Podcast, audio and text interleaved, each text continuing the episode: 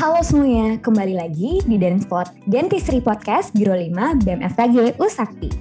Perkenalkan, saya Saskia dari BEM Inti selaku moderator yang akan menemani kalian di Denspot episode 5 ini. Di mana episode ini adalah episode terakhir loh di periode Rafindra Sanskara. Pada Denspot kali ini, kita akan membahas mengenai kesehatan mental pada mahasiswa.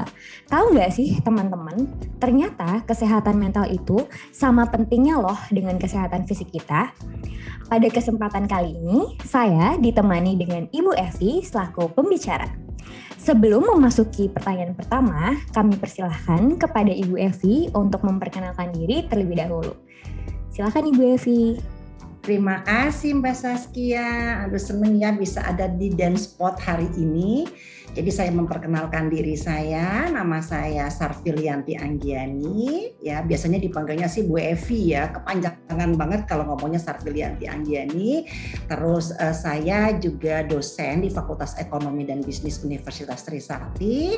Dan juga saya seorang konsultan dari benderanya Jus Consultant. Dan juga orang mengenal saya dengan nama uh, motivator nasional. Dan alhamdulillah sudah pernah mendapatkan penghargaan sebagai motivator motivator, begitu juga beberapa penghargaan yang lain. Jadi memang kalau di bidang saya kita berbicara tentang HR ya, human resources itu adalah hal yang sangat menarik ketika kita berbicara tentang adanya pandemi gitu ya. Jadi saya suka banget ketika diundang untuk acara dance sport ini dengan tema mental health. Gitu aja sih Mbak Saskia perkenalannya. Wow, benar-benar sangat-sangat apa ya namanya hmm, memotivasi juga yang ngelihat Ibu Evi semangat banget ya kan. Jadi jadi kali ini podcast kali ini bakal seru banget dan pastinya bakal bermanfaat bagi yang dengar ya kan Bu. Yes. Oke okay deh. Kita boleh mulai Bu dengan pertanyaan pertama. Apakah Ibu sudah siap? Oh boleh, dengan senang hati. Oke, jadi untuk pertanyaan pertama nih Bu. Sekarang ini kan masih banyak masyarakat atau mahasiswa yang masih belum menyadari pentingnya kesehatan mental. Nah sebenarnya tuh sepenting apa sih Bu untuk menyadari hal tersebut? Kenapa mental health awareness itu penting dan bagaimana cara untuk mempromosikannya agar lebih banyak orang yang tahu seperti itu Bu? Oke, terima kasih pertanyaannya. Ya, memang sebetulnya ya mental health uh, itu sangat penting. Namun banyak orang yang tidak menyadari. Itu aja sih masalahnya adalah mereka tidak menyadarin bahwasanya mental health itu penting. Karena rutinitas manusia pada dasarnya mereka hanya menunjukkan apa fisik ya. Jadi kesehatan fisik yang mereka perhatikan, bagaimana mereka bisa beraktivitas dengan nyaman. Nah, sebetulnya untuk mencapai aktivitas dengan nyaman itu ada satu faktor yang lain yang mempengaruhi bikinnya yaitu yang disebut dengan mental. Nah, ketika kita berbicara tentang mental health, sebetulnya orang sering ngomong begini loh, misalnya Mbak Saskia, aku tuh kenapa ya stres banget? Itu salah satunya adalah karena mentalnya nggak siap. Jadi sebetulnya kalau kita berbicara tentang mental health itu, kita mesti menyadarkan orang atau mensosialisasikan. Itu dulu loh intinya Kenapa orang nggak sadar? Karena mereka tidak memahami ya. Jadi kalau kita pakai bahasa tinggi mental health mungkin mereka nggak paham ya. Tapi bagaimana kita menyadarkan atau membalancing atau menyelaraskan atau menyeimbangkan kehidupan. Nah jadi kalau kita berbicara menyeimbangkan kehidupan maka kita akan berbicara bagaimana membuat keseimbangan aktivitas dengan kehidupan pribadi itu adalah balance. Nah itu yang paling penting. Nah yang ada sekarang kan kita lebih fokus kadang kala apalagi kalau itu mahasiswa ya. Mahasiswa cenderungnya apalagi mahasiswa FKG yang tugasnya banyak banget kan fokusnya ke pelajaran, belum lagi nanti dosen yang kasih tugas yang banyak. Jadi fokusnya cuma mengerjakan itu tapi tidak menyeimbangkan dengan adanya apa ya self needed saya bilang itu kebutuhan pribadi yang mesti kita perhatikan. Nah selain itu juga kesehatan jiwa dan raga penting olahraga. Saya nggak yakin loh ya kalau mahasiswa FKG itu masih sempat olahraga rutin. Itu saya nggak yakin banget. Seperti Mbak Saskia mungkin rutin nggak sih olahraga? Ya nggak janji mungkin seminggu sekali. Cuman itu itu udah cukup. Jadi kita mesti membalance. Nah bagaimana kita memsosialisasikannya itu sangat penting. Jadi mungkin dari FKG itu bisa dengan adanya dan sport ini kita bisa melihat bagaimana kita mengatakan kepada teman-teman kita, lingkungan kita, bahwasanya menyeimbangkan kehidupan itu sangat penting. Jadi jangan semata-mata misalnya orang ya kerja tapi nggak mikirin dirinya sendiri. Terus ada orang yang belajar tapi nggak mikirin dirinya sendiri. Nyalon, nge-gym, jalan pagi, ya healing. Nah healing tuh bahasa yang keren saat itu. Ya, kalau kita berbicara tentang mental health itu healing is the most important yo. Tapi healing itu apakah nanti harusnya yang jalan-jalan jauh ya nggak juga sih. Cuman pengen jalan menghirup udara segar, jalan pagi, ngobrol sama teman bareng. Nah begitu itu yang penting sekali. Jadi yang pentingnya Mbak Saskia adalah kita mesti mensosialisasikan bahwasannya hidup itu seimbang. Jadi kita nggak usah ngomong mental health lah. Mereka pasti akan susah ya kalau masyarakat umum gitu. Nah tapi kalau kita misalnya mahasiswa penting sekali. Jadi itu adanya yang kalau dalam human resource itu bicaranya disebut dengan well-being life. Jadi kalau kita berbicara well-being, maka well-being itu menjadikan salah satu kesehatan yang setara, yang seimbang antara aktivitas dengan pribadi kita. Kalau kita udah berkeluarga dengan keluarga kita. Jadi ada eh, ada harmoni yang baik antara jiwa raga dengan aktivitas kita. Gitu loh Mbak Saski. Oh iya bener banget ya Bu. Jadi memang harus ada keseimbangan ya. Jadi kita nggak boleh terus stres kerja. Jadi malah ya. kita malah ya. jadi iya. jatuh sakit ya. Jadi mendingan kita harus banget seimbang karena kalau misalnya ada waktu itu aku pernah dengar kalau misalnya kesehatan fisik dan mental itu sangat penting untuk kebahagiaan. Jadi oh. kalau misalnya itu seimbang, insya Allah kita bahagia, sehat, walafiat ya kan Bu? Ya betul sekali. Nah itu, jadi tujuannya kan untuk menuju bahagia itu kan seimbang dulu dong. Jadi ya, kalau misalnya kita bekerja saja terhadap hal-hal yang kita tidak suka mengerjakannya, apakah itu akan membawa keseimbangan? Belum tentu loh. Hmm, Karena keseimbangan itu muncul ketika kita menyukai. Nah, ya. apakah semua pekerjaan itu kita sukai? Apakah tugas dari dosen itu semua kita sukai? Kan belum tentu. Belum tentu. Jadi bagaimana oh. kita menghil itu, membuat dia seimbang? Oh, salah satunya mungkin dengan positive thinking kan Loh saya kan pengen jadi dokter gigi, jadi ini adalah tugas saya. Jadi kita berpikir positif, jangan ngomongnya, aduh mampus deh profesor itu, dokter itu maksudnya banyak banget tugasnya. Iya. Nah itu udah menghipnotis diri kita dengan beban. Nah jadi ini hal-hal yang penting. Jadi mental health itu pentingnya dari mana? Dari diri kita sendiri. Itu loh Mbak Saski melatih untuk positive thinking juga ya berarti Bu. Iya betul. Itu oke. Okay. Nah, pertanyaan kedua nih Bu, bagaimana menurut Ibu keadaan kesehatan mental kita dapat berpengaruh terhadap kehidupan sehari-hari? Apakah dapat mengganggu aktivitas sehari-hari atau bagaimana ya Bu? Oke, jadi kalau kesehatan mental itu mungkin secara langsung kalau dia bisa mengkamuflasekan itu mungkin bisa di hadapan orang lain. Jadi misalnya gitu kita di dalam beban yang berat banget, tapi mau ketemu orang kita tersenyum gitu ya, itu mungkin bisa tapi ketika kita dalam diri kita sendiri dalam posisi di mana kita eh, sedang tidak ada aktivitas, mungkin kita sedang merenung di rumah atau pulang kerja atau pulang kampus, mulai ada rasa burden. Nah, burden yang berat inilah sebetulnya menunjukkan mental itu udah nggak siap. Mm mental kita udah mulai terganggu. Kenapa? Aduh, aku stres ya. Aduh, aku nggak mood ya. Nah, itu kan itu salah satu. Aku nggak mau deh ketemu dia, kayaknya serem banget. Itu udah mental loh sebetulnya. Itu kata-kata yang diucapkan ketika kita tidak siap menerima situasi.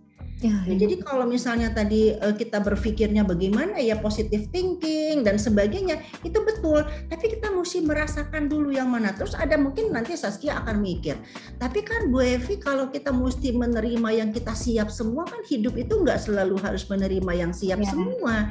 Ada kalanya kan kita menerima sesuatu yang di luar nalar kita, yang di luar harapan kita. Nah ini kita mesti membangun diri kita sendiri.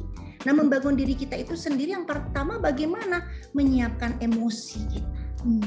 Jadi mental itu kan dasarnya dari emosi yang unstable kan ya. Hmm, nah emosi yang unstable itu kan membuat orang jadi nggak nyaman dengan hidupnya. Hmm. Jadi dia bisa jadi orang lain terhadap dirinya sendiri karena dia mesti melakukan sesuatu kepada orang lain, beraktivitas dengan orang lain, tapi di satu sisi di baliknya dia akan merasa tidak nyaman dengan dirinya sendiri karena ini bukan yang aku sukai. Nah, hmm. untuk itulah emosi berperan sangat penting di sini. Ketika kita harus mengelola emosi kita, itu harus dimulai dari mana? Positive thinking lagi. Berpikirnya tuh, oh ini adalah cobaan, oh ini pasti ada hikmah. Iya. Iya betul. Jadi kalau mau bangun mental health itu ya sebenarnya lagi susah pun kita harus senyum ya sebenarnya ya kalau iya, kita betul. menyadarin itu. Jadi kan kalau tadi Mbak Saski ngomong kebahagiaan, kebahagiaan tuh dari mana sih? Hmm. Dari sahabat saya. Enggak, dari diri saya sendiri. Saya mesti membangun kebahagiaan dari diri saya sendiri di mana saya bisa menyeimbangkan. Yang saya tidak suka saya geser pelan-pelan, yang saya suka kayak ajak bareng saya ke mana pun saya berada. Itu bahasa yang simpelnya. Jadi mental health ini memang konsen ya di dalam kehidupan saat ini, terutama pada masa pandemi. Terutama ketika kita mesti melakukan segala sesuatu itu dengan Zoom. Kita nggak ada interaksi, interaksinya cuma basa-basi gitu ya interaksinya cuma senyum, pengen mengekspresikan sesuatu. Nah, sebetulnya mental health itu adalah problem ketika orang tidak bisa yang biasanya dia bertegur sapa biasa terus saling touching, saling pegang iya. tangan, saling uh, apa namanya berpelukan ketika ketemu sahabatnya, ketika ketemu temennya kangen. Nah, ini kan hilang, semuanya hilang.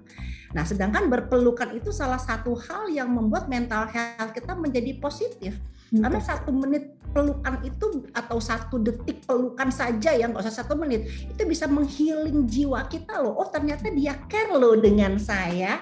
Nah kan orang mental health itu kan butuh juga atensi dari orang lain. Nah, jadi kalau kita cuma dikasih tugas, tugas, tugas kerja, kerja, kerja, tapi kita nggak punya perhatian lain, nggak ada personal approach, nggak ada personal touching, nggak ada personal attention, itu yang membuat orang menjadi tidak nyaman terhadap pekerjaannya. Nah kembali lagi dia koma, oh saya tuh kepengennya olahraga tapi waktunya nggak ada. Nah hmm. jadi di sini juga harus mampu melakukan yang namanya time management. Jadi yeah. time management itu penting banget loh Mbak Saskia ketika kita mau membangun atau membuilding mental health kita agar well-being life itu menjadi lebih nyaman. Hmm. Itu loh Mbak. Iya, betul banget. Saya setuju banget sama Ibu. Maksudnya memang apa ya, banyak faktor lainnya yang harus yeah. mendukung juga ya. Maksudnya nggak yeah. hanya diri kita sendiri, tapi dari yeah, orang yeah. lain pun juga harus bisa mengerti gitu. Kondisi orang lain mungkin dia lagi stres, bukannya kita ngasih pressure lagi atau yeah, tekan yeah, lagi, tapi betul, betul tapi banget. lebih merangkul ya seharusnya. Betul, ya. betul, betul, betul, betul, betul sekali. Nah, kemudian ada selanjutnya nih Bu, untuk pertanyaan berikutnya kan kita ketahui nih Bu bahwa kondisi kesehatan mental itu seperti bola salju yang apabila masalahnya itu tidak diselesaikan saat masih kecil lama-lama akan semakin membesar mm-hmm. dan lama-lama juga akan berakibat buruk terhadap orang yang mengalaminya. Nah, bagaimana pandangan Ibu terhadap hal tersebut? Terlebih dengan banyaknya stigma di masyarakat nih Bu yang membuat orang-orang jadi takut untuk mencari bantuan gitu kan. Biasanya kalau misalnya uh, apa orang kayak apa sih? Kayak gitu doang kan nggak kenapa-napa gitu loh. Padahal ya, itu sesuatu banget buat kita. Betul. Baik. Jadi memang uh, kalau kita berbicara tentang bagaimana burden yang berat dari mental health itu bagaimana saya bisa mengekspresikan untuk melakukan healing terhadap mental health saya memang balik lagi. Yang pertama kalau bisa kita mesti mengungkapkan. Hmm itu yang paling penting. Kalau bisa kita bisa mengungkapkan. Namun ada pertanyaan kembali kepada siapa hmm. saya mengungkapkannya? Karena kan sekarang kalau kita mengungkapkan kepada sahabat, ya mungkin iya sih saat itu kita bisa healing sebentar ya. Tapi sahabat akan ngomong ya udahlah, itu kan cuma sebegitu doang. Kenapa sih kamu mikirnya berat banget?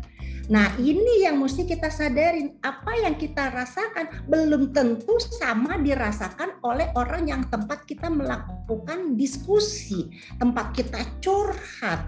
Nah, jadi yang paling penting adalah bagaimana saya mencoba menghealing diri saya sendiri.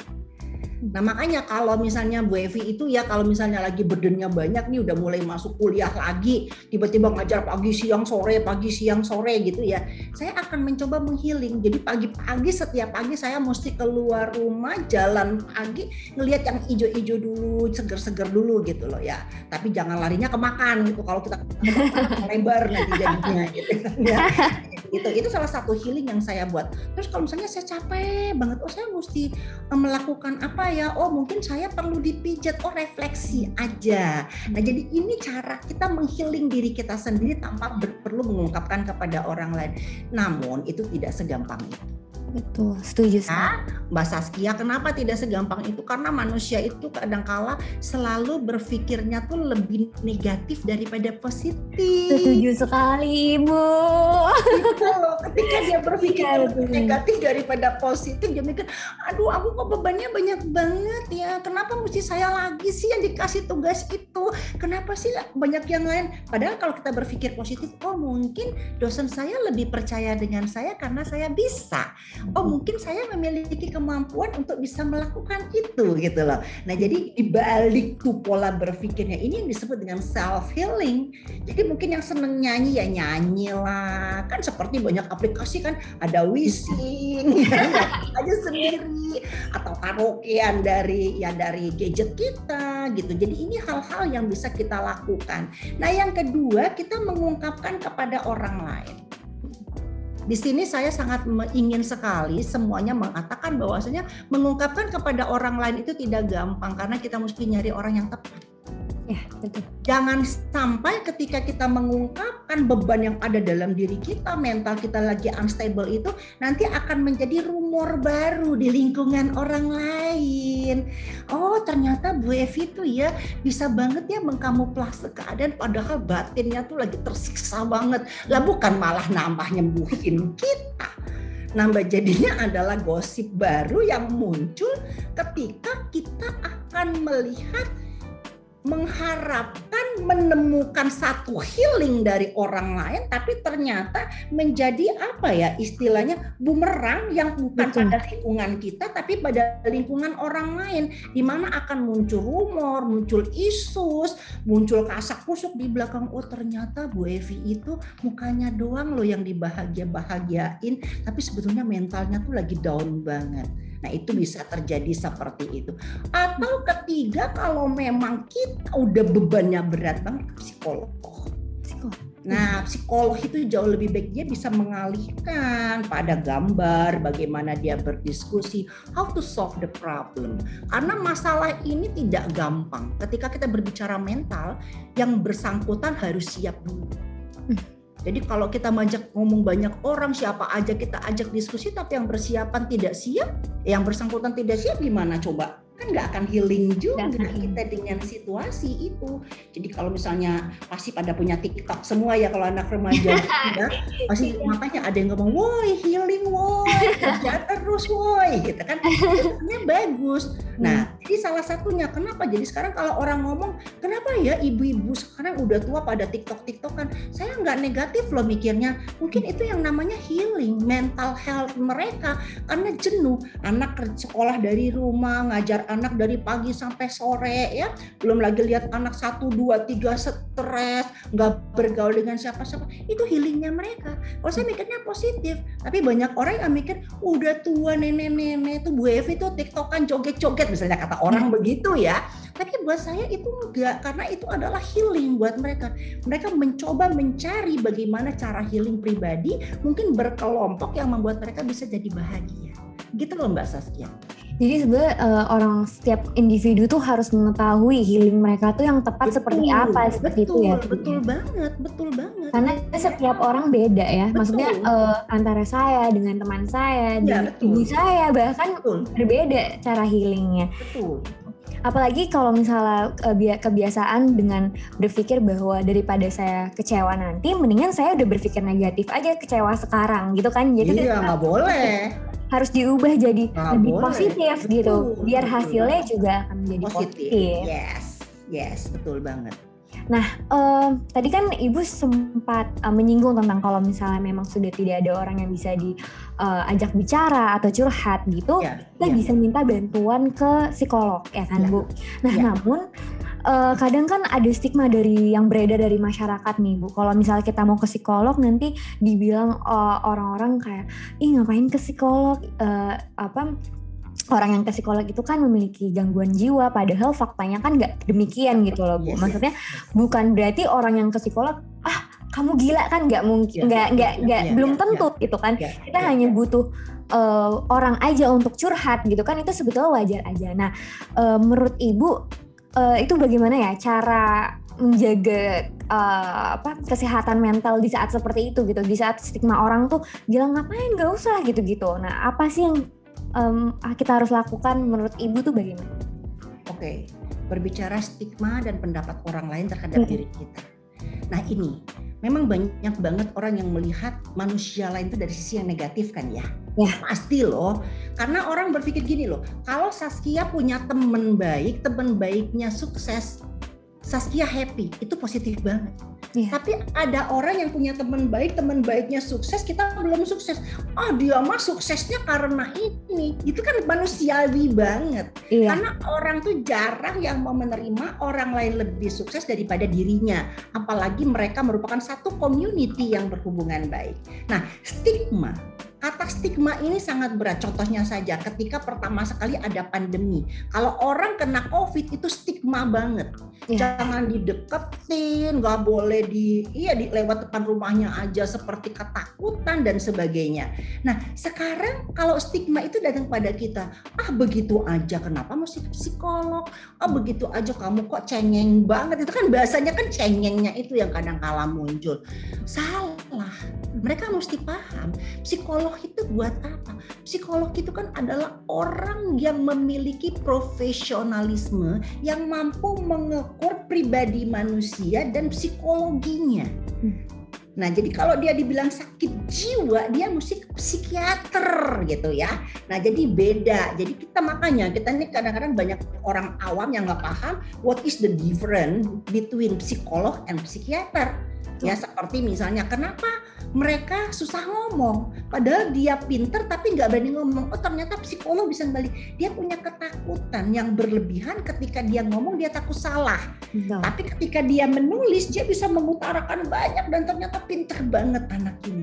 Loh ini yang mesti kita heal kan ya? Itu kan mentalnya juga. Kenapa? Percaya dirinya nggak siap. Kenapa? Percaya dirinya belum oke. Okay. jadi psikolog oh kamu bisa karena kamu bisa seperti ini. Nah jadi stigma ini memang butuh sosialisasi. Jadi kita mesti menjelaskan kepada orang apa itu psikolog, apa itu psikiater. Jadi kita nggak usah mikirin stigma. Yang ketiga tadi mungkin yang ketiga arahan saya kalau ada stigma yang banyak itu kita jalan aja oh, hidup kita nggak tergantung dari orang lain loh. Itu agak segit ego ya kalau kita berbicara seperti itu. Tapi hidup saya, masa depan saya tidak tergantung dari orang lain. Masa depan saya itu sangat tergantung dari diri saya sendiri. Saya mesti nyari jalan yang mana.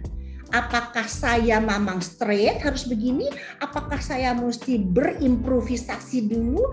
Apakah saya mesti mundur satu langkah maju sepuluh langkah? Tuh yang tahu kita. Jadi kita jangan terlalu banyak dengar omongan orang. Kalau kita dengar omongan orang, kita akan susah. Nah contohnya saja Bu Evi itu ketika pertama sekali melakukan kegiatan jadi motivator, teman-teman SMP saya, SMA saya mungkin nggak percaya gitu loh. Bisa loh. Nah kan gitu kan. Kenapa? Karena yang lalu-lalu kok saya orangnya bandel banget gitu ya. Kalau sekolah tuh nggak pernah serius gitu. Nah tapi ternyata kan seiring waktu kan bisa melakukan itu semua. Jadi di on us, depend on ourselves. Kita mau ke mana itu, stigma itu adalah cuman persepsi manusia terhadap seseorang yang dari sisi negatif. Bener nggak sih dulu kalau misalnya ya kalian kan dari FKG tuh ngelihat, uh, dulu kalau mau ke dokter gigi tuh susah banget takut COVID gitu kan dokternya takut kitanya juga takut. Tapi sekarang kalau ke FKG kan kita dipakein APD dokternya udah lengkap gak kelihatan apa-apa lagi. Terus stigma itu hilang sendiri. Oh ke FKG Trisakti aja deh. Di sana ada ruangan hampa. Ah, misalkan kan itu. Jadi stigma itu akan hilang sendirinya ketika tolong diingat ya ketika kita bisa menjalani semuanya dan waktu yang akan menentukan bahwa stigma itu salah. Hmm, betul. Ya, jadi waktu yang akan menentukan stigma itu salah, ternyata jalan yang diambil oleh Bu Evi, jalan yang diambil oleh Saskia itu adalah sudah benar caranya seperti itu.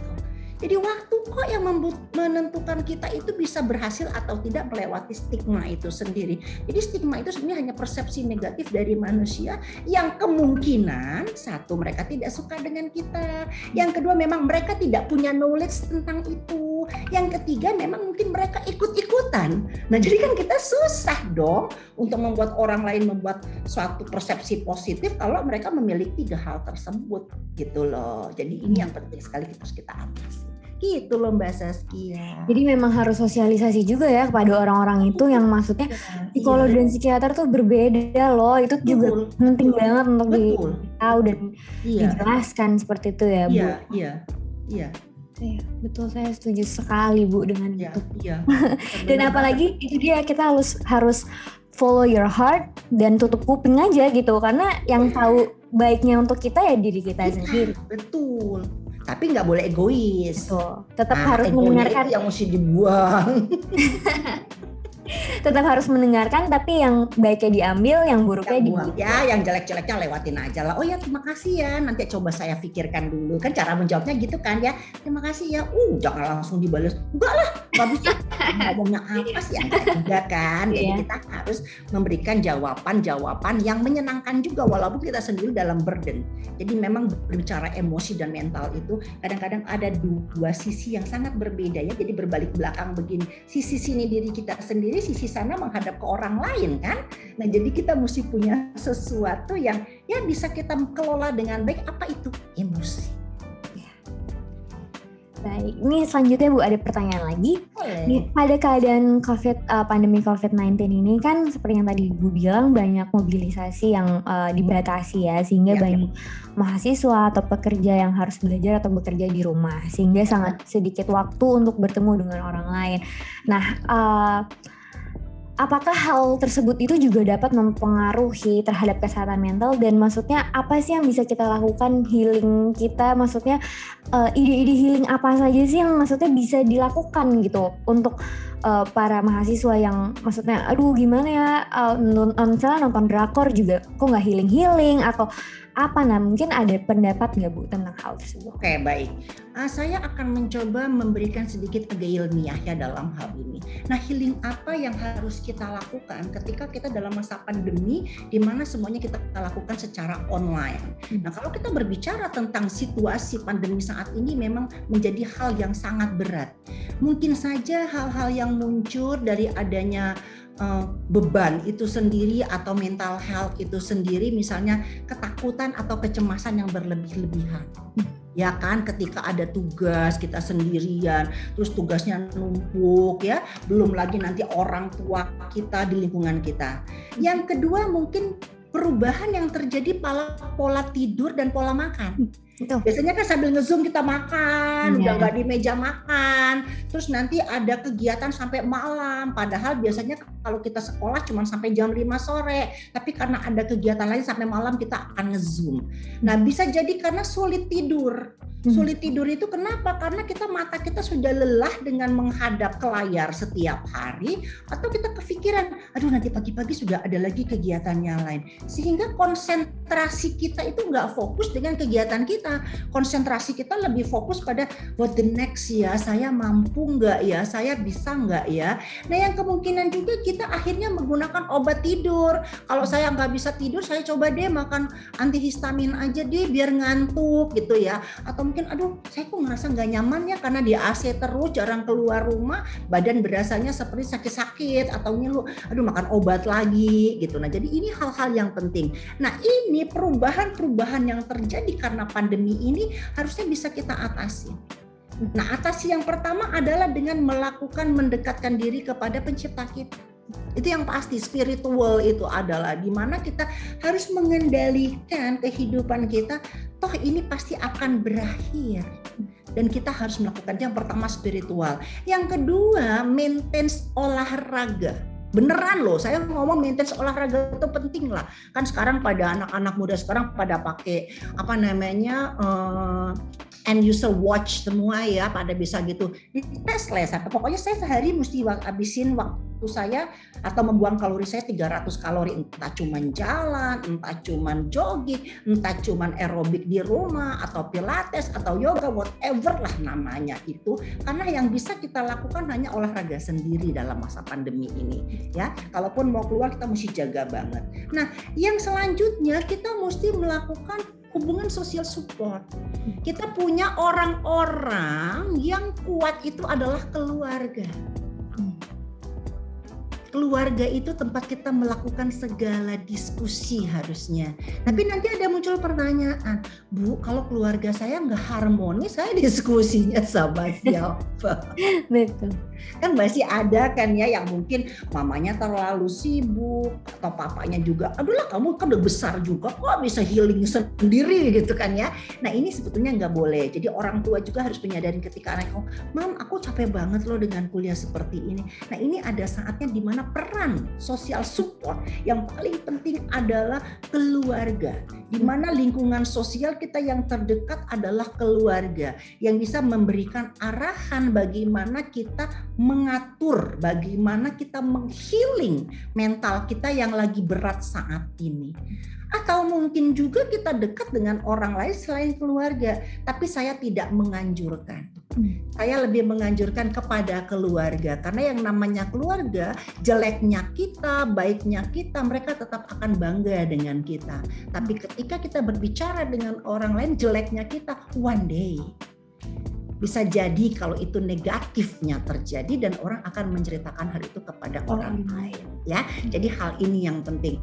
Jadi kita sebetulnya kalau mau menjadi mahasiswa mau menjadi pekerja yang tangguh dan sehat mentalnya kita sendiri yang harus tahu bagaimana kita memposisikan. Saling peduli saling meningkatkan rasa empati. Kenapa itu penting sekali? Karena ini agar kita bisa menguasai situasi di lingkungan lingkungan yang tidak sehat saat ini.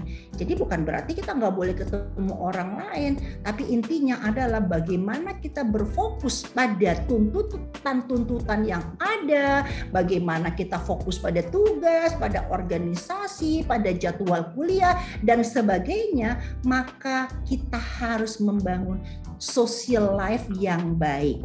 Karena social life itu bisa menciptakan bentuk healing yang baik ketika lingkungan sosial kita juga positif. Dan yang pastinya yang terakhir, selain tadi ada tiga ya, ada yang nama spiritual, ada yang namanya olahraga, ada yang namanya lingkungan sosial, diri kita sendiri. Bagaimana kita menempatkan diri kita sendiri untuk menjadi orang yang siap mental, orang yang mampu melakukan segala sesuatunya dengan positif thinking. Itu Mbak Saskia. Berarti spiritual, maintain olahraga, hubungan social support, dan menempatkan diri sendiri untuk mempersiapkan mental kita itu adalah hal-hal yang penting, yang mendasari lah yang sangat, iya, iya, iya, iya, iya, betul. Karena itu juga saya dapatkan dari jurnalnya WHO ya.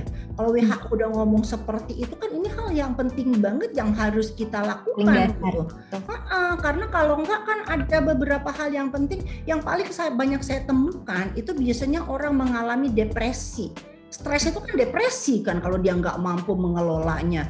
Udah depresi dia susah tidur. Tidurnya cuma dua jam, tiga jam. Atau kalau nggak dia main game malam-malam.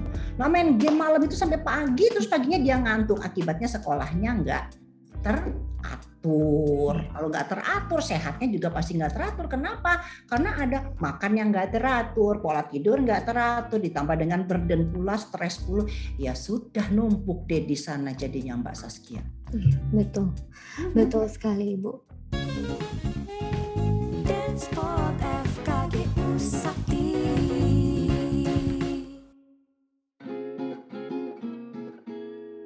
Nah, uh, selanjutnya nih Bu, tadi kan sempat disinggung bahwa hubungan social support itu tuh penting Bu ya. Mm-hmm, mm-hmm. Nah, uh, menurut Ibu nih, bagaimana sih cara kita menjelaskan apa itu mental health, seberapa penting itu kepada orang-orang terdekat kita sendiri, seperti ya keluarga gitu kan? Karena belum tentu keluarga sendiri memahami diri kita dan maksudnya bagaimana cara kita berbicara kepada ya, orang tua kita itu yang paling penting tuh. Ya, ya, menurut Ibu bagaimana sih Bu caranya gitu? Apalagi yang orang tuanya yang dua-duanya kerja yang kurang uh, berkomunikasi dengan anaknya gitu.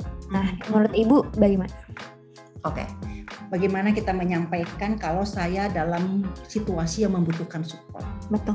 Jadi memang kadang-kala orang tua itu selalu menganggap kalau anak itu sudah kuliah, itu biasanya sudah anggap dewasa dia nggak perlu terlalu banyak curhat. Nah, tapi kalau dari sisi saya, semakin anak dekat dengan saya, ya saya juga sudah punya anak yang udah menikah ya, udah punya cucu juga sampai sekarang mental health-nya juga ke mamanya kok. Hmm. Jadi saya selalu open minded gitu ya. Jadi bagaimana kita mencoba mengatakan kepada orang tua kita bahwasannya saya ini butuh perhatian, saya ini ingin banget disupport.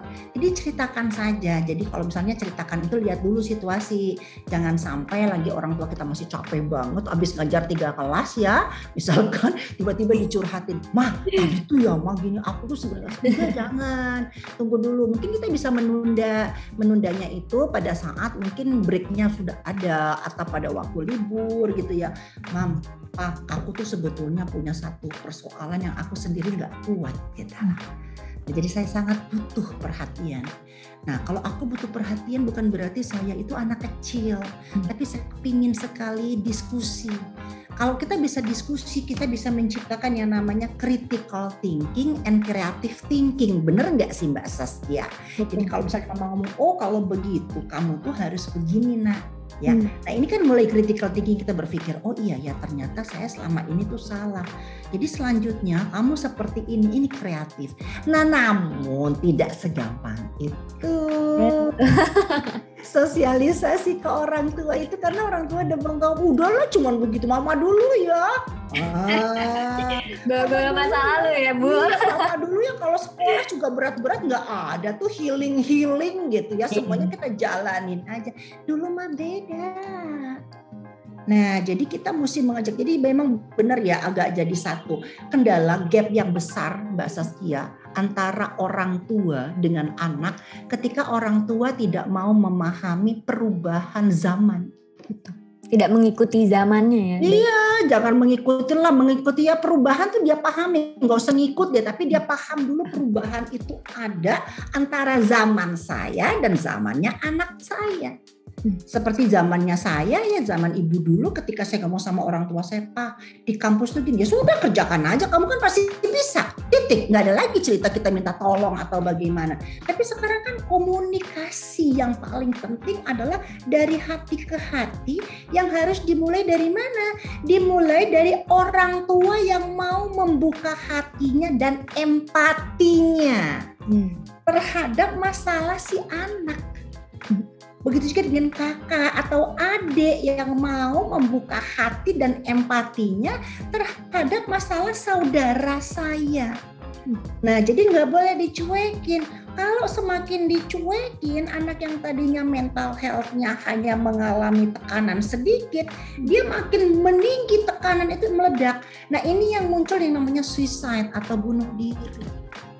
Ada ada ada pikiran ya Bu untuk untuk ada pikiran saya sudah tidak disupport oleh lingkungan terdekat saya yang namanya keluarga. Nah jadi kalau nanti ada ibu-ibu atau bapak-bapak yang nonton podcast ini pahamin Kenapa anak kuliah apalagi dari SMA baru masuk ya, apalagi anak SMA kan masih mencari jati diri mereka dan biasanya jati diri ini diciptakan dengan belum adanya keyakinan saya mau ke mana. Nah ini iya. butuh pendampingan. Kita jangan salah loh. Wah anak saya udah SMA udah biar aja sendiri. Itu yang salah. Karena mereka udah banyak ketemu dengan orang-orang mungkin orang yang benar mungkin orang yang salah. Hmm. nah jadi dari sisi inilah orang tua itu harus masuk harus punya waktu untuk anaknya. Dengan cara dia bisa membuka hatinya, dia bisa membuka empatinya dan merasakan bila perlu yang lebih sakit itu orang tuanya sehingga orang tua bisa menghil anaknya. Kan feel yang the same itu kan penting banget. Udah anak papa juga tahu apa yang kamu rasakan itu sudah nyenengin satu loh. Hmm. Tapi kalau oh, udahlah zaman papa dulu, cuma kecil banget, itu udah satu lagi menjatuhkan kita hmm. gitu loh. Nah jadi orang tua tuh harus bisa bijaksana, wise dalam menyikapi hal yang demikian. Jadi caranya gimana Mbak Saskia? Caranya diajak diskusi, Mama, aku butuh waktu. Aku pengen ngomong. Ada satu beban yang aku rasakan sangat berat. Contohnya kemarin juga saya sempat melakukan konsultasi dengan uh, salah satu direktur BUMN.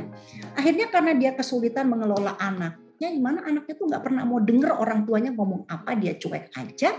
Nah, kemudian akhirnya saya bilang, apa yang sudah Bapak lakukan terhadap anak saya? Saya udah kasih uang, udah kasih mobil, not that one. Anak butuh perhatian. Karena saya nanya, Bapak pernah nggak ngomong sayang ke anak Bapak? Enggak Bu, cengeng banget. Masa Bapak-Bapak ngomong sayang? Lo saya bilang dielus kepalanya aja, enak kamu sayang, hati-hati ya sekolah ya. Itu sudah sesuatu.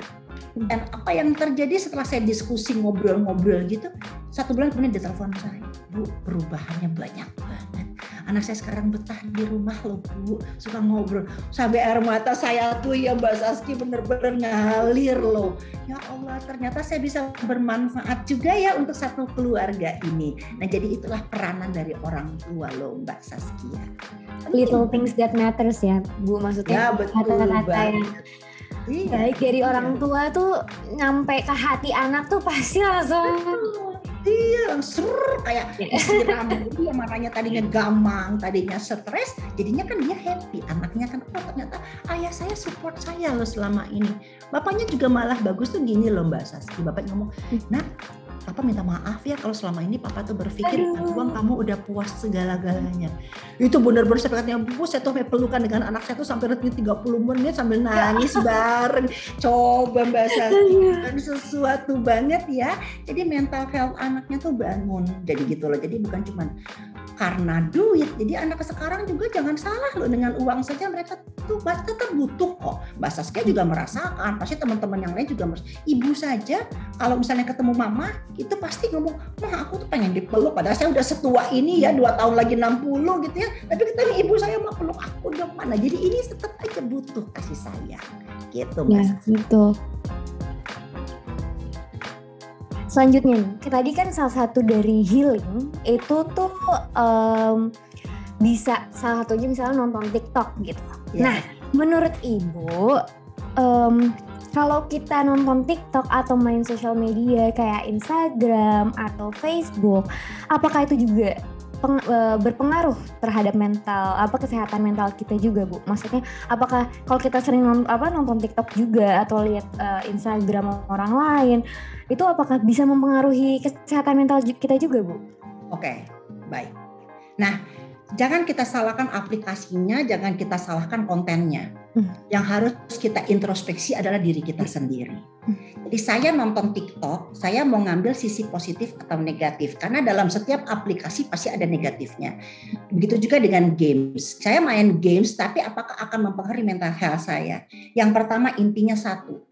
Tujuan saya untuk nonton itu sendiri adalah to know something atau curiosity saya tinggi pengen tahu sesuatu tentang kehidupan baiknya manusia. Yang kedua kalau saya melihat hal itu buruk dari mereka ini akan avoid dalam kehidupan saya. Yang ketiga penting banget adalah manajemen waktu. Bangun tidur jangan buka Facebook atau TikTok, Instagram dulu bangun tidur kita rapi-rapi dulu. Makanya uh, Bu Evi itu ya kalau ada WA atau telepon sebelum jam 7 pagi pasti nggak pernah saya angkat. Hmm. Kenapa? Karena saya masih silent teleponnya dan hmm. saya lebih mengutamakan untuk kebutuhan keluarga dan pribadi dulu. Setelah jam 7 pagi saya baru berani buka segalanya dan itu cuma sebentar. Nanti malam saya baru bales-bales kalau ada respon orang lain. Itu aja saya batasin kenapa Mbak Saskia. Karena dulu pernah ada teman saya yang akhirnya terbengkalai semua kehidupannya gara-gara keasikan nonton TikTok. Hmm jadi memang benar-benar menjadi terbengkalai urusan rumah tangga karena kalau akhirnya dia seadanya saja hidupnya tapi demi nonton apalagi kalau ada lagi uh, apa namanya lagi trending trending gitu ya pada ngikut malah tahuan berita tentang TikTok daripada kehidupan keluarganya. Nah ini juga nggak boleh. Jadi artinya apakah ini bisa merusak mental health kita? Nah saya melihat sisi diri pribadi kita introspeksi dan batasi. Jadi kita harus tahu anggap itu sebagai hiburan saja, anggap itu sebagai bagian dari kita mencari pengetahuan, anggap itu sebagai bagian dari bagaimana kita menciptakan suatu apa ya uh, environment atau ambience hati kita untuk healing gitu loh. Jadi bukan menjadi semata-mata mendapatkan sesuatu itu karena memang kita nanti menjadi orang yang mengikuti semua yang dilakukan di sana gitu ya itu juga nggak boleh jadi tetap aja di diri kita sendiri di mana semua aplikasi itu adalah hanya untuk pengetahuan kita, knowledge kita. Oh, knowledge nggak bisa kita batasin ya Mbak Saskia ya. Mau knowledge dari mana aja, dari sekolah, dari aplikasi, dari Google, dari mana aja kita bisa dapat. Tapi kita harus tahu apa manfaatnya untuk kehidupan kita. Jadi buat happiness boleh, buat knowledge juga boleh. Jadi tinggal waktunya, waktunya kapan dan kita mesti batasin berapa jam saya mesti. Makanya kan kalau di apa uh, kalau di telepon kita kan ada berapa jam untuk kita buka uh, apa media hmm. sosial, berapa jam untuk knowledge. Kalau Bu Evi alhamdulillah sih media sosialnya itu cuman paling lama ya satu setengah jam. Sisanya tuh banyak kan untuk browsing knowledge, untuk apa. Nah, jadi itu penting juga buat kita dan saya juga kalau malam punya aturan. Jadi jam tidur itu pasti dia akan silent silent langsung teleponnya jadi pakai semuanya tuh pakai dengan teknologi saya bisa manfaatkan berapa jam saya tidur bagaimana kalau belum olahraga jam saya geter-geter ayo bergerak bergerak. Nah gitu kan. Jadi ini penting buat ini teknologi itu bisa positif dalam kehidupan kita. Gitu loh mbak Saski. Jadi nggak selalu buruk ya bu. Malah kita hmm, uh, dengan bantuan teknologi malah kita jadi lebih baik seperti betul, itu. Betul, tinggal bagaimana kita menggunakannya kan gitu intinya. Betul, betul banget. Uh, Bu, mungkin uh, sebagian besar dari kita kan sehari-harinya sering merasa cemas, panik, ataupun takut ya kan Bu. Nah bagaimana ya Bu caranya kita dapat membedakan rasa cemas yang masih dalam batas normal dengan kecemasan yang sudah membutuhkan bantuan dari profesional Bu? Oke. Okay rasa cemas itu sendiri banyak sekali ya. Ada yang bisa membuat orang jadi depresi, ada orang yang cemas hanya pada situasi, situasi tertentu. Nah, jadi ini sebetulnya eh, apa namanya kita mesti tahu. Saya sekarang ini cemasnya pada segala bidang atau saya menjadi cemas karena memang saya selalu ketakutan. Hmm. Nah, itu. Kan ada orang misalnya begini deh. Uh, apa Misalnya ada orang disuruh presentasi ke depan. Hmm. Ya kan? Nah, dia presentasi hanya cemas takut nanti dia salah, takut dia nanti nervous. Itu masih tingkat rendah banget. Tapi ketika dia disuruh maju atau hadir di suatu tempat dia mulai keringet dingin, takut banget. Nah, itu udah beyond, itu udah depresi. Jadi hmm. ada orang yang benar-benar ketakutan anxiety tingkat tinggi itu ketika dia ketemu orang saja tidak berani, dia mengurung diri di kamar, tidak berani mengungkapkan, terus tidak berani juga memberikan masukan kepada orang lain, menjadi dirinya sendiri dan dia diam. Nah itu adalah depresi sebetulnya, ya karena dia hanya fokus bagaimana saya takut, saya takut, ini takut, itu takut. Tapi ketika dia punya kecemasan, mungkin bikin tugas dia nggak kelar, dia cemas banget. Aduh, tolongin dong. Kalau dia masih mengungkapkan tolongin dong, bagaimana? Ini kan adalah hal-hal yang mesti kita perhatikan dengan baik. Nah kalau misalnya kita melihat suatu situasi yang berat sekali, orang itu mengalami suatu kecemasan yang sangat tinggi, maka itu akan menjadi hal-hal yang memberatkan sekali. Kenapa? Karena gangguan kecemasan itu akan memberikan satu gejala awal dari depresi. Hmm, betul. Ya, misalnya satu orang itu takut dengan ketinggian. Katakan, dia kuliah di lantai 8 Nah, gangguan kecemasan itu kan khawatir ya. karena dia merasa takut lantai 8. Mungkin dia takut nanti ada gempa karena dia punya pengalaman gempa, ya. Itu kecemasan. Yang kedua panik. Nah, orang panik itu adalah orang-orang yang cemas. Kalau misalnya tiba-tiba dia disuruh maju, dia langsung cemas. Itu orang panik itu juga cemas yang awal, ya. Atau mungkin dia berpikiran kalau saya nggak dapet IPK 4,0 berarti saya gagal. Itu cemas loh. Nah itu juga nggak boleh orang cemas yang seperti itu sangat berbahaya ya. Misalnya juga ada lagi orang yang pada situasi sosial dia diminta ketemu dengan lingkungan dan dia disuruh menyampaikan kata pengantar atau pidato atau menjadi host. Nah itu kecemasan dia juga takut ya. Nah yang selanjutnya kalau kita berbicara tentang depresi, depresi itu sangat berat. Karena gejala depresi itu biasanya tidak sebentar. Jadi kalau kecemasannya berulang-ulang itu depresi baru muncul. Jadi biasanya setelah jangka waktu tertentu dan dia tidak menyadari kalau itu menjadi depresi. Hmm. Setiap disuruh masuk, maju dia takut, dia takut, dia takut. Akhirnya setiap mau masuk ruangan dia mulai berpikir, aduh aku gimana? Itu depresi dah, udah depresi banget. Kenapa? Karena ini akan berpikir, berpikir, berpikir kalau saya nanti akan susah, saya akan berat, saya akan mengalami bagaimana. Nah, jadi kalau kita melihat depresi ini sendiri, misalnya orang ketakutan, gak usah jauh-jauh. Kalau seorang wanita saja, kalau dia mengalami traumatik ya, misalnya uh, eh, PMS, katakanlah begitu, kesakitan perut itu bisa depresi. Saya nanti nggak bisa jalan gimana tugas saya banyak itu bisa depresi karena setiap bulan dia akan berulang, berulang, berulang lagi. Nah, jadi itu membedakannya seperti itu. Jadi ketakutan yang sangat dan terjadi berulang-ulang bisa mengakibatkan depresi karena rasa takut yang betul-betul bisa mengakibatkan dia merasa sengsara, menderita, tertekan dan sebagainya. Nah, jadi kita bagaimana to heal mental health ini kita menyadari oh ternyata ini kejadiannya berulang-ulang. Jadi saya mesti melakukan perubahan. Ya. Terus alihkan perhatian kita saya harus bisa gimana cara oh mungkin saya perlu kursus. Kalau saya nggak berani di muka ketemu orang langsung untuk berbicara oh saya perlu di kursus. Saya perlu melakukan pelatihan. Saya perlu ketemu orang yang ahlinya. Atau bila perlu ungkapkan. Masih ingat gak mungkin bahasa Saskia masih punya diary nggak? Nah diary itu kan salah satu healing loh Wavy aja punya diary loh lagi kesel banget ya tulis diary aja. Walaupun sekarang diary nggak tiap hari karena keselnya udah mulai kurang ya karena udah tua gitu ya. Nah gitu. Jadi udah nggak nggak melakukan itu lagi. Terus atur waktu atur waktu itu dengan kita beraktivitas yang teratur, jadwal tidur yang baik, cara makan yang bagus. Memang ini semakin berat kalau kita tidak bisa mengatasi. Tapi kalau memang semuanya nggak bisa, kalau depresi bukan psikolog, tapi larinya ke psik ya. Nah ini dia yang membedakannya. Karena depresi itu nggak mungkin datangnya sekali langsung depresi enggak. Tapi ada ketakutan yang berulang-ulang terus menerus yang membuat dia menjadi tidak nyaman dengan hidupnya. Semua dengan ketakutan. Diingat kalau orang yang mental health kurangi makan gula. Hmm. Kenapa? Karena gula ini bisa meningkatkan kecenderungan anxiety dan depresi. Bukan hanya sugar rush, tapi depresi dan anxiety itu juga saya dapatkan dari jurnal ilmiah kedokteran ya.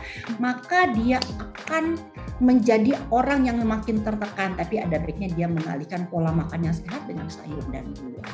Sampai ke segitu segitunya ya saya bisa membaca karena dimintanya tentang mental health sih. Jadi saya mencoba memahami bagaimana. Karena yang paling penting adalah lingkungan terdekat kita memahami kenapa anak ini kalau diajak ngomong selalu nggak bisa menjawab. Kenapa dia selalu tidak mampu melakukan menjawab itu sendiri nah ini gejala dari depresi jika dia tidak berani menyampaikan itu loh Mbak Saskia. Nah Bu, bagaimana cara kita ini, misalnya kita dapat kecemasan nih, tapi kecemasan kita masih eh, batas normal ya, seperti tadi mm -hmm. yang kalau misalnya kita mau maju presentasi, kita cemas atau misalnya ada rasa mm sedikit, nah itu dan misalnya kita lagi banyak tugas nih Bu, terus habis itu deadline-nya juga uh, deket-deketan nih Bu deadline-nya. Ya, ya, kan kita jadi merasa stres dan biasanya ya. jadi tidak produktif. Nah itu bagaimana ya cara mengatasinya? Misalnya selain dari time management, mungkin ada tips dari Ibu. Oke, okay. Jadi cara mengatasi yang terbaik adalah ketika kita mengalami kecemasan, takut kapan jatuh tempo atau juditnya dari pekerjaan kita, bagaimana kita harus mengatur situasi itu sendiri. Balik lagi karena bahasa kita tadi kan bukan hanya karena time management, tapi adanya keinginan niat yang baik dari kita untuk menyelesaikan semuanya tepat waktu, hmm. menyelesaikan apa yang kita lakukan sesuai dengan standar yang ada, hmm. menyelesaikan tugas kita dengan sebaik-baiknya. Makanya saya sangat menyarankan ya buat semuanya, buat mahasiswa khususnya, jangan menunda Ketika ada tugas jangan sistemnya SKS, sistem kebut semalam. Kalau udah sistem kebut semalam biasanya munculnya adalah stres. Kalau udah stres, udah nggak tidur. Sedangkan tidak tidur itu adalah bagian awal dari satu kemudahan untuk membangun unhealthy mental. Jadi kita harus tahu kapan saya mesti bekerja dengan tepat waktu, kapan saya mesti meluruskan niat saya, kapan saya mesti berpikir positif toh sudah harus kita yakinin apalagi kalau saya sudah masuk ke FKG maka konsekuensi yang muncul adalah saya harus melakukan dengan sungguh-sungguh. Jadi nggak boleh depresi karena sudah tahu. Makanya kalau kita sebelum melakukan satu tindakan, ada baiknya kita mengetahui dulu nanti konsekuensinya atau efeknya terhadap kehidupan saya itu seperti apa. Makanya kenapa masuk FKG itu butuh sekali kesadaran diri kita untuk menyadari, toh ini nanti burdennya berat banget loh. Sudah siapkah mental saya? Sudah siapkah fisik saya? Sudah siapkah niat saya? Nah ini akan menjadi satu kebahagiaan kalau sudah siap semuanya. Jadi memang kita yang harus menyiapkan bagaimana kita mengatasi semuanya itu. Gitu loh Mbak Saskia. Maksud saya tuh jawabannya adalah tergantung diri kita sendiri ya kesiapan kita untuk mengatasi kemungkinan-kemungkinan yang terjadi dimulai dari berpikir positif, niat yang positif pasti feelingnya positif. Kalau feelingnya positif maka aktivitasnya akan positif. Tuh Bu Evi ngomongnya gampang banget dan pelaksanaannya ya belum tentu ya. Gitu loh Mbak Saskia. Pelaksanaannya harus dilatih berulang kali kali ya Bu nggak kali coba langsung positif nggak bisa kayak Betul, gitu. Betul nggak bisa ada pelatihan mental yang baik yang harus kita lakukan. Baik Bu. Nah ini biasanya kan kita tuh Bu kalau misalnya curhat sama temen gitu kan Bu, hmm. kita uh, kadang kan kita ada orang salah atau enggak uh, temen saya curhat ke saya. Terus gimana sih Bu cara saya merespon mereka gitu? Apa hmm. sih kata-kata yang baik yang harus harus saya um, apa berikan kepada mereka agar mereka tuh nyaman untuk bercerita dan kata-kata seperti apa yang harus dihindari di saat uh, teman kita ini butuh support bu gitu. Oke baik. Jadi yang pertama sekali adalah jawabnya seperti ini. Kalau memang itu berat dan kamu percaya saya akan menjadi bagian dari permasalahanmu, saya akan mencoba semampu saya. Jadi jangan berjanji ya nak. Ya. Karena kalau kita berjanji nanti tidak sesuai dengan harapannya akan menjadi salah. Hmm. Nah, itu yang pertama. Yang kedua yang kita tidak boleh yang tadi, oh segitu aja kamu gak bisa. Kenapa segitu aja cengeng banget ya. Jadi sebaiknya yang harus kita lakukan adalah membesarkan hatinya boleh saja kita katakan, oh ya saya tuh pernah baca ya ada orang mengalami hal yang sama. Hmm. Kamu harus bisa dan saya yakin kamu pasti bisa asal dirimu sendiri sudah siap melakukan itu. Jadi intinya di sini adalah Mbak Saskia nggak boleh berjanji kalau Mbak Saskia akan menjadi malaikatnya. Itu yang nggak boleh. Jadi saya akan menampung kalau kamu percaya. Nah di satu sisi Mbak Saskia juga harus menjadi orang yang komitmen. Tidak menceritakan kepada siapa pun permasalahannya. Even kepada orang tua kita kalau memang Mbak Saskia merasa berat dan ingin sekali menolong dia, mungkin ke satu orang saja siapa? Orang yang paling Mbak Saskia percaya biasanya mama. Hmm. Karena kita biasanya akan lebih cenderung ke mama untuk menyampaikan, "Ma, bagaimana ya temanku tuh kasihan banget." gitu. Tapi di sini mama jangan ikut masuk ke dia. Mama hanya masuknya ke Mbak Saskia, nanti Mbak Saskia yang menyampaikan ke yang bersangkutan. Hmm. Jadi intinya komunikasi adalah saya akan mencoba menjadi tempat curhatnya tetapi sebatas kemampuan saya.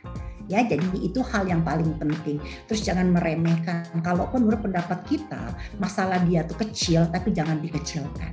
Lebih baik jangan dianggap oh kamu tuh membesar-besarkan cerita aja sih. Enggak oke terus selanjutnya bagaimana nah ceritanya dengan dia Terus rencanamu bagaimana untuk solve the problem? Rencanamu bagaimana untuk mencegah ini berkelanjutan gitu. Jadi kita prinsipnya nggak boleh jadi pemicu persoalan baru. Intinya kita menenangkan yang bersangkutan. Kalau bisa kita jadi problem solvernya. Tapi kalau tidak bisa kita cukup yang dua pertama saja. Jadi menjadi problem solver itu kan agak susah ya, karena belum tentu pemikiran kita akan sama dengan yang bersangkutan. Jadi intinya yang pertama dan kedua itu bisa kita buat tempat curhatnya ya, atau kita bisa menenangkan dia. Jadi hal ini yang paling penting kita lakukan gitu Mbak Saskia. Jadi jangan kasih kata-kata uh, yang lebih menjatuhkan lagi ya. Jadi kita jangan, harus sama jangan berjanji kita bisa menyelesaikannya itu jangan jangan sampai itu kita lakukan karena akan ada tuntut ketakutan. Yang pertama, yang kedua akan menjadi hal yang mungkin menimbulkan dia benci dengan kita, dia nggak respect dengan kita ketika kita menjatuhkan dia kan, kan kasihan dia dalam kondisi yang mentalnya lagi down, tiba-tiba kita kasih kata-kata yang membuat mentalnya makin down, itu makin gak jadi dong, makin gak betul buat dia yang menerimanya, dan yang pasti kita tidak boleh bersikap jangan kita yang paling benar, kita yang paling pintar. Kamu denger deh pendapat saya, pasti akan healing, belum tentu loh loh, karena orang kan punya perasaan yang berbeda-beda. Tuh. Betul sekali. Akhirnya kita sudah sampai nih Bu di penghujung dan suara berasa ya ini. Ya, ya seru banget. Tadi saya sampai tersentuh yang uh, ceritanya ibu tentang apa uh, ada salah satu bapak. iya bapaknya itu. Itu menyentuh sekali. Kayak orang bapak yang biasanya kan terlihat tegar gitu kan bu. Iya, tiba-tiba ya, meminta maaf ke anaknya betul. itu sesuatu banget dan ya. menurut saya itu orang tua yang hebat sih. Betul sangat hebat. Saya juga berpikir seperti itu sangat hebat bisa mengu apa bisa mengurangi atau menghilangkan rasa gengsinya gitu loh untuk iya, minta iya. maaf ke anaknya betul, betul betul banget iya aduh ibu nah untuk sebagai closing statementnya nih bu saya persilahkan kepada ibu untuk menyampaikan pesan dan awareness kepada pendengar teman-teman dance spot ini agar semakin banyak masyarakat yang sadar akan pentingnya mental health. Silahkan ibu. Baik, terima kasih untuk closing statement dari saya. Tidak ada kehidupan itu yang semuanya menyenangkan dan membahagiakan. Semuanya tergantung dari diri kita, bagaimana kita bisa membangun keseimbangan dalam kehidupan keseimbangan mental, keseimbangan jiwa, dan keseimbangan fisik.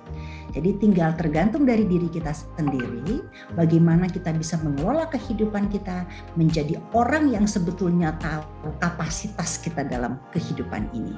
Jadi jangan melebihi kapasitas kalau mau berkarya, namun tingkatkan kapasitas kalau kita mau lebih baik lagi. Artinya penting sekali membangun capacity building dalam kehidupan manusia agar dia tidak terbebani dengan hal-hal yang di luar kapasitasnya. Sukses buat kita semua dan salam sehat. Terima kasih Mbak Saskia. Terima kasih banyak Ibu Evi karena sudah hadir dan berbagi insight mengenai mental health awareness yang sangat bermanfaat bagi pendengar podcast. Semoga perbincangan tadi bisa membuat teman-teman pendengar semua menjadi lebih aware lagi terhadap mental health ya. Dan jangan lupa untuk tetap menaati prokes dan menjaga kesehatan ya. Nah, seperti biasa nih Bu, rasanya belum lengkap kalau kita belum mengakhiri podcast ini dengan pantun. Bu Evi beli kemangi. Saskia berangkat dari Jogja. Stay safe and healthy. Sampai bertemu di dance spot berikutnya. Terima kasih Bye. sudah mendengarkan. Sampai jumpa di dance spot. Sampai jumpa semuanya. Sukses selalu. Terima kasih. Terima kasih banyak Ibu.